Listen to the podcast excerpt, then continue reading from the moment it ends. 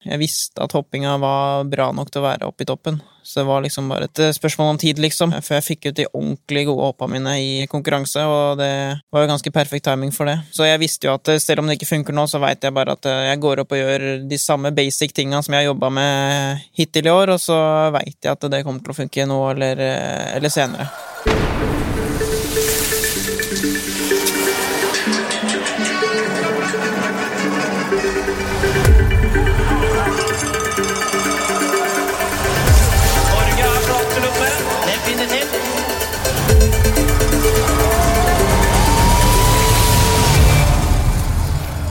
Du hører på Folkefest, en podkast av Holmenkollen skifestival, og nå er det ikke lenge til det er skifest. Jeg heter Ingunn Vassvik Mikkelsen, og sammen med meg sitter hoppstjerneskudd Marius Lindvik og tidligere toppidrettssjef Bjørge Stensbøl, og vi skal snakke om vinnerskallen.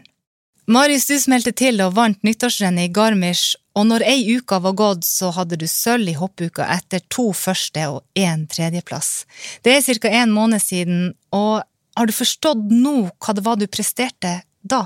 Jeg har jo gått opp litt for meg at uh, Det har jo det. Det har vært uh, sinnssykt uh, morsomt. Kan du beskrive eh, hvilke tanker det, og hvilke bilder du hadde i hodet da du sto på toppen av den bakken eh, første nyttårsdag? Jo, det var jo veldig, veldig fokusert og hadde arbeidsoppgavene mine veldig klare på forhånd og visste akkurat hva jeg skulle gjøre før jeg, før jeg gikk opp på toppen og, og gjorde det. Og så når du står da på toppen, da, for oss som jo er mer dødelig anlagt, eh, vi, og tenker mer på døden når vi står så høyt, eh, er du redd? Jeg blir sjelden redd. Nei, vi har liksom gjort det så mange ganger at du har blitt litt mer eh, vant til det, på en måte. Og, så er det liksom i din egen boble, på en måte, så det Du er så fokusert, og da er det bare å, å kjøre på. Og så eh, renner du ned og overrenner, og så må du bare stå til. Rekker du å tenke noe som helst underveis? Ja, det eneste du rekker å tenke på, er jo arbeidsoppgavene du har klare på forhånd før du, før du går på bommen. Hvis du går på bommen og ikke har de klare, så blir det ikke noe særlig ut av hoppet heller. Så du må ha arbeidsoppgavene veldig klare, og så er det jo egentlig bare det du har fokus på når du kjører nedover ennå. Og ut i sveva for så vidt. Hvordan er det egentlig? Nei, det er jo en deilig følelse når du kommer ut av hoppkanten der og kjenner at du får presse skia, og det begynner å løfte, og ser at det her eh, går langt. Bjørge, du har en lang karriere bak deg som eh, toppidrettssjef, blant annet. Og du var med å skrive boka 'Norske vinnerskaller'. Når du hører Marius eh, snakke her, eh, kan du eh, sette fingeren på at han er en del av en prestasjonskultur? Ja, det aller meste av det han sier, tyder på at han er eh, i en god eh, kultur. Eh, jeg hører han er i denne berømte bobla, og når du er i den, så har du gjort veldig mye på forhånd. Du har ikke minst visualisert hva du skal gjøre. Som Marius sa, eh, jeg, jeg vet akkurat hva jeg skal gjøre. Og det er en typisk eh, vinnerskalle. Den har visualisert kanskje 10 000 ganger eh, et skihopp, og vet nøyaktig hvordan han skal gjøre. Og så er det selvfølgelig gjennomføringen om Og da er det jo snakk om feeling og hundredeler av en tiendedel på hoppkanten, som gjør hvor, hvor langt han flyr. Men jeg hører veldig fort at uh, han er en typisk uh, vinnerskalle. Hva mer er det du hører da, når du sier du hører veldig fort at han er en typisk vinnerskalle? Jo, en slik har hatt eh, gode folk rundt seg. Fordi du greier det, det er ingen som vinner alene. Du vinner i et team. Og, og, selv om det er første året hans nå på landslaget, så er det noen før som har dratt den dit han er i dag. Og det er noe som kjennetegner en slik utøver. Eh, for det første så må han være dristig. Og, og det er ikke bare fordi han skal hoppe i en stor bakke veldig langt, men du, du må være dristig, du må ha mot for å sette deg høye mål. Eh, bare det er en utfordring. Og så må du ha gjennomføringskraft, altså gjøre det som er nødvendig. Og ikke minst, du må ha de rette folka rundt deg. Og dette høres det ut Ut fra prestasjonene hans, så høres det ut som han oppfyller alle de tre kriteriene. Kan det stemme? Kjenner du igjen? jo da, det stemmer nok. Det jeg føler jeg har hatt uh, veldig mye bra folk rundt meg helt siden jeg starta med skihopping, og har fått hjelp hele veien. og og kommet meg, bygget meg opp i systemet, og nå er jeg jo faktisk eh, på landslaget, så ja. Eh, Bjørge, dere intervjua 30 av Norges fremste toppidrettsutøvere til boka dere skrev. Hva ble du mest overraska? Egentlig hvor lite systematisk mental trening var satt i, satt i system. Eh, det var mest enkeltutøverne som hadde tatt eh, kontakt, og i veldig liten grad forbundene som hadde organisert systematisk trening. Det var nok det som overraska meg mest. Men eh, Og så var det veldig tydelig at de Flere av de utøverne de sa at hvis de hadde begynt med mental trening tidligere, så trodde de de ville ha prestert enda bedre. Og så er det disse fellestrekkene. Hvilke personlighetstrekk tenker du at disse toppidrettsutøverne har? Ja, nå var faktisk Marius innom de, de viktigste. Eh, og som jeg nevnte, du, du må være Du må ha mot. Du må tørre sette deg høye mål. Og, og, de målene, det sier også forskerne, de, de, kan virke urealistiske i utgangspunktet, men selv urealistiske mål blir nådd av disse vinnerskallene. Og så må du ha en veldig tydelig, konkret plan, eh, og så må du ha ei utviklingstrapp. Du, du må være tålmodig i utålmodigheten, fordi du, du vinner ikke på dag én eller to. Eh, men samtidig så må du ha en, en, utålmodighet i det, og ikke minst nysgjerrighet på å, å, finne ut hva du skal gjøre for å ta neste skritt i trappa. Og det tredje elementet, da, du må ha de, de riktige folka rundt deg.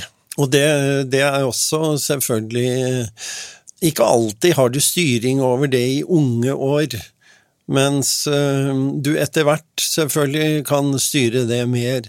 Men uh, som helt ung så kan du være litt prisgitt uh, klubben, men der har jo Marius vært heldig. Det er, jo, det er, jo, noen år siden denne boka ble skrevet, en uh, fem års tid siden. Uh, har det skjedd noe innen fokuset på mental trening i norsk idrett siden da? Ja, nå, nå, sitter jo ikke jeg sentralt i norsk idrett, men jeg har jo fortsatt mye, mye kontakt med en del eh, av de gamle utøverne som fortsatt holder på. Og fra de så er det helt tydelig at eh, mental trening har fått mye større fokus.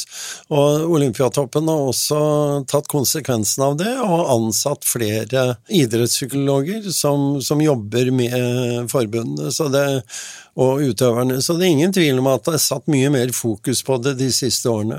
Marius, kan du merke det? Hvordan jobber du med den, med den delen av treninga di? Jeg jobber jo veldig mye med sånn mindfulness-trening. Det er jo det jeg begynte med det litt i høst her. Og jeg føler det er ganske deilig å Den følelsen du får etterpå, liksom. Når du liksom får risatt hodet litt, da. Kan du si litt mer om hva det er du gjør da? Nei, det er jo mer sånn avslapningsøvelser og, og den type ting, da. Ligger du, pust, ligger du, på ryggen og puster rolig, eller? Ja, det er enten liggende eller sittende, og ha fokus på pust som regel, da, eller eh, avslapning eh, i hele kroppen. Jobber seg gjennom hele kroppen.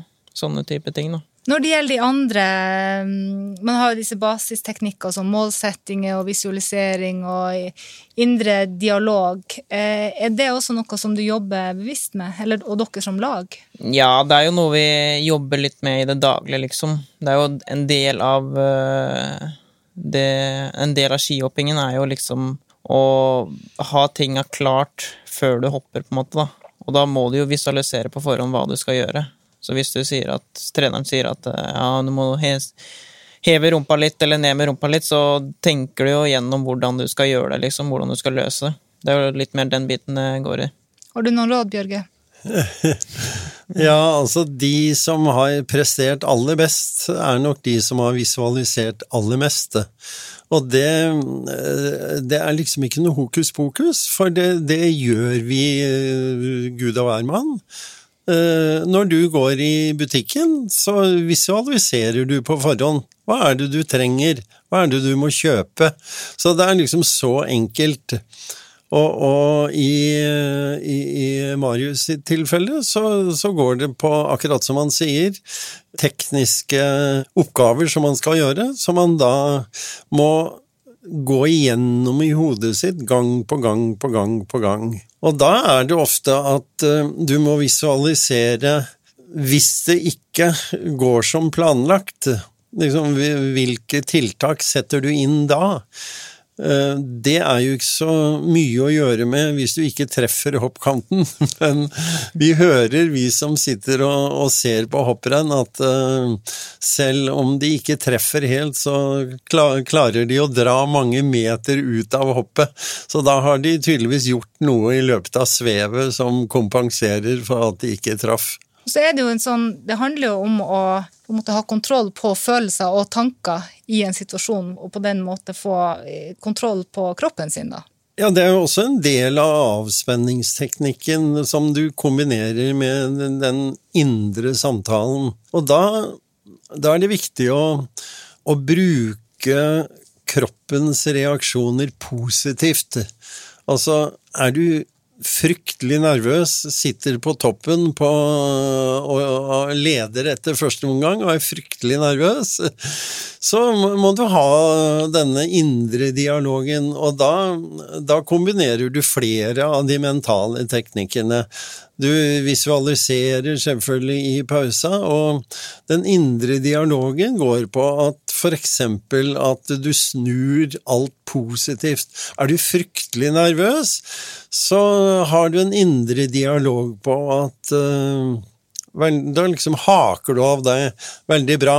Da er jeg skjerpet. Når jeg er så nervøs, er jeg 100% skjerpet. Da vet jeg det går bra. Og hvis du da mot formodning en annen gang skulle være helt sånn laidback og sitte der oppe, så da må du snu det også, at eh, ja, nå er jeg helt avslappet, det betyr bare at jeg har helt kontroll, så dette går eh, helt opp. Så denne indre dialogen er eh, veldig viktig. Kan du kjenne også det igjen?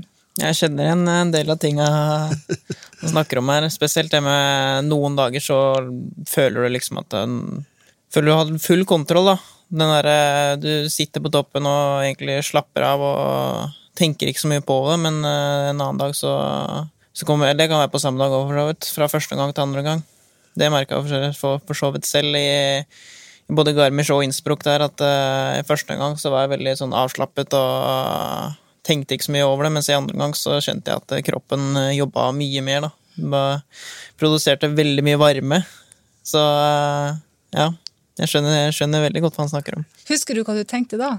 Nei, jeg bare husker Det jeg husker mest fra andre gangen i Garmisch der, det var at eh, At jeg eh, fokuserte veldig på det jeg skulle gjøre.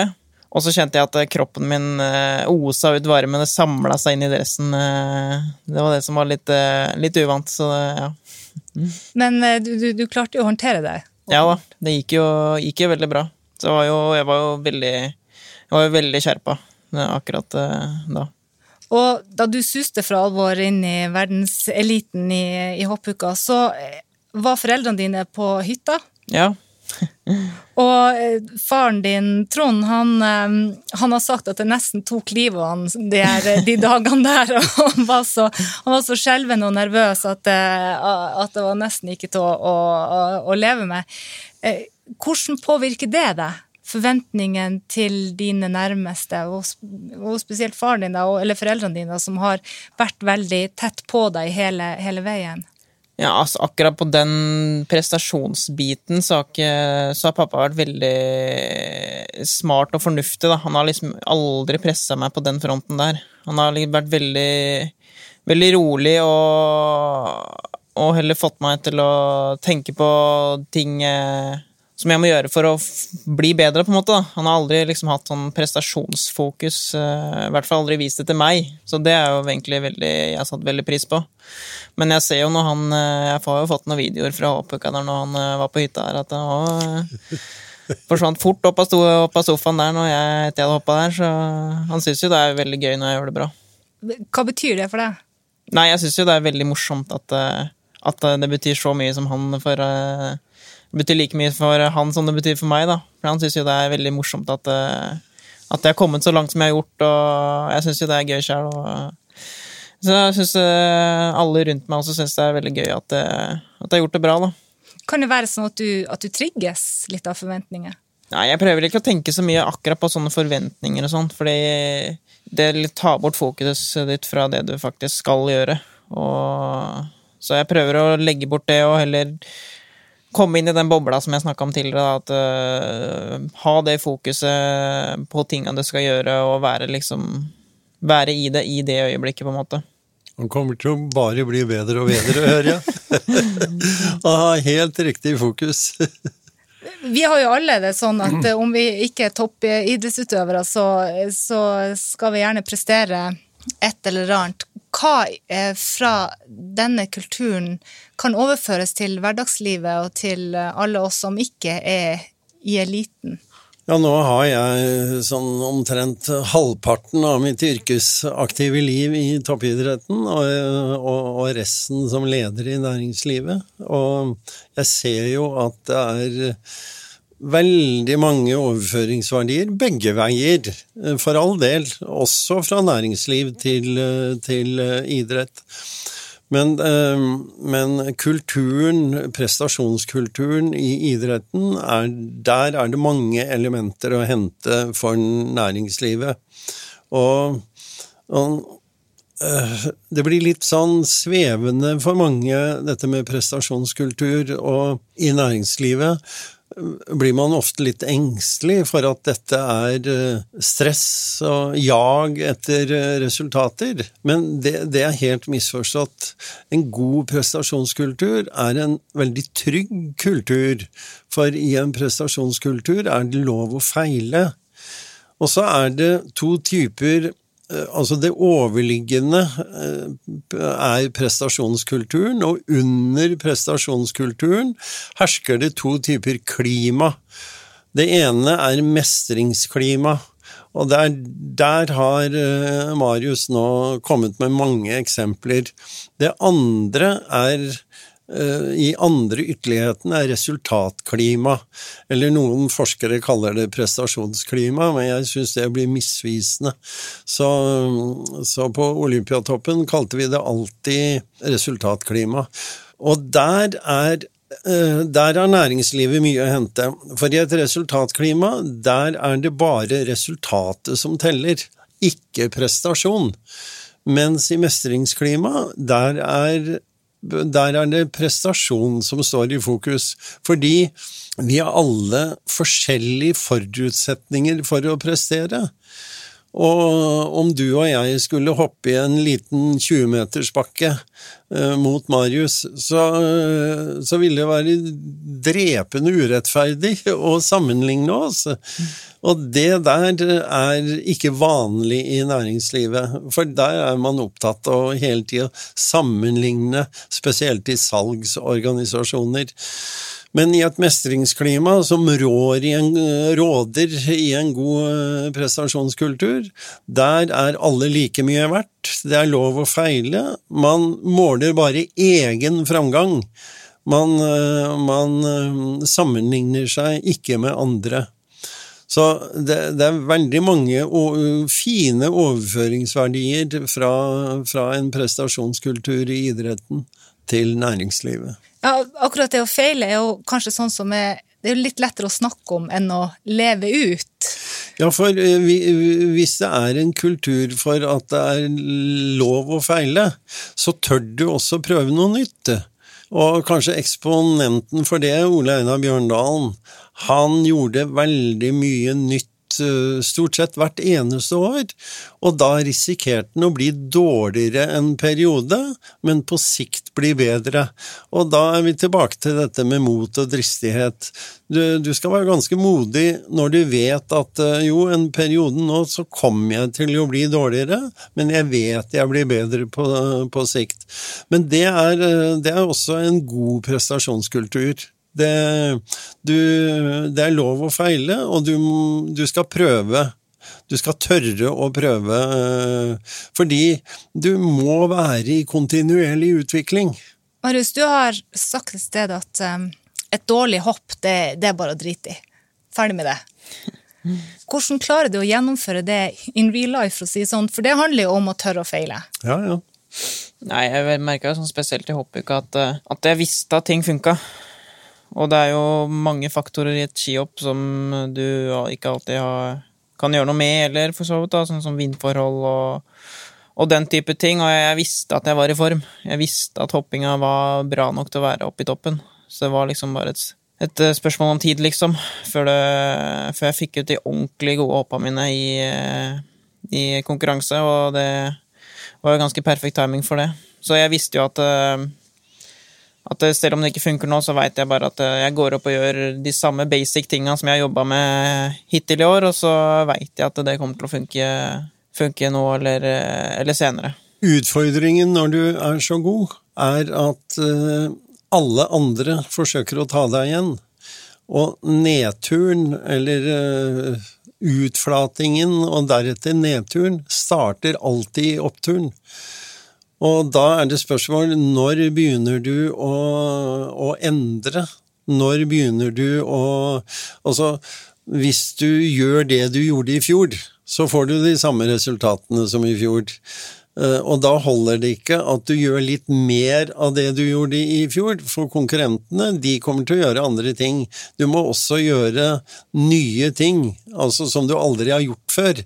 Og der kommer dette med mot og dristigheten igjen. Og spørsmålet er når setter du inn de nye tiltakene som kanskje ingen i verden har prøvd før? Det kjennetegner disse vinnerskallene. De som har nådd aller lengst, de har turt å, å, å endre selv om det går bra. Og der er det også store overføringsverdier til næringslivet. For der ser vi store internasjonale konsern som gikk bra, men som ikke endret. Kodak, for eksempel. Hvem eh, kjenner Kodak nå? Eller Fasit, for den saks skyld.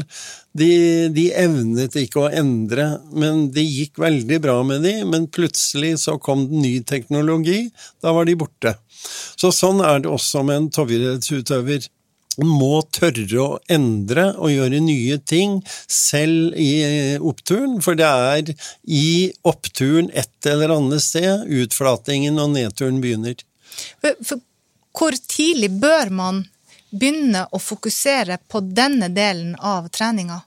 Ja, jeg tror dess tidligere du begynner, dess bedre er det. Og øh, den jeg, øh, når vi intervjuet disse 30, den jeg så som begynte aller tidligst, var Liv Grete Skjelbreid. Hun begynte med dette, jeg mener det var faktisk allerede i 13-årsalderen, å, å, å trene mentalt. Og hun hadde veldig spesielle teknikker, som, øh, som vi også skriver om i denne boka, som vi lo godt av når vi øh, intervjuer Liv. Hva var det? Ja, hun Hun hadde spesielle teknikker eh, under oppvarmingen for å psyke seg opp sjøl. så lette hun etter, eh, etter konkurrentene for å møte de blikkene til de største konkurrentene.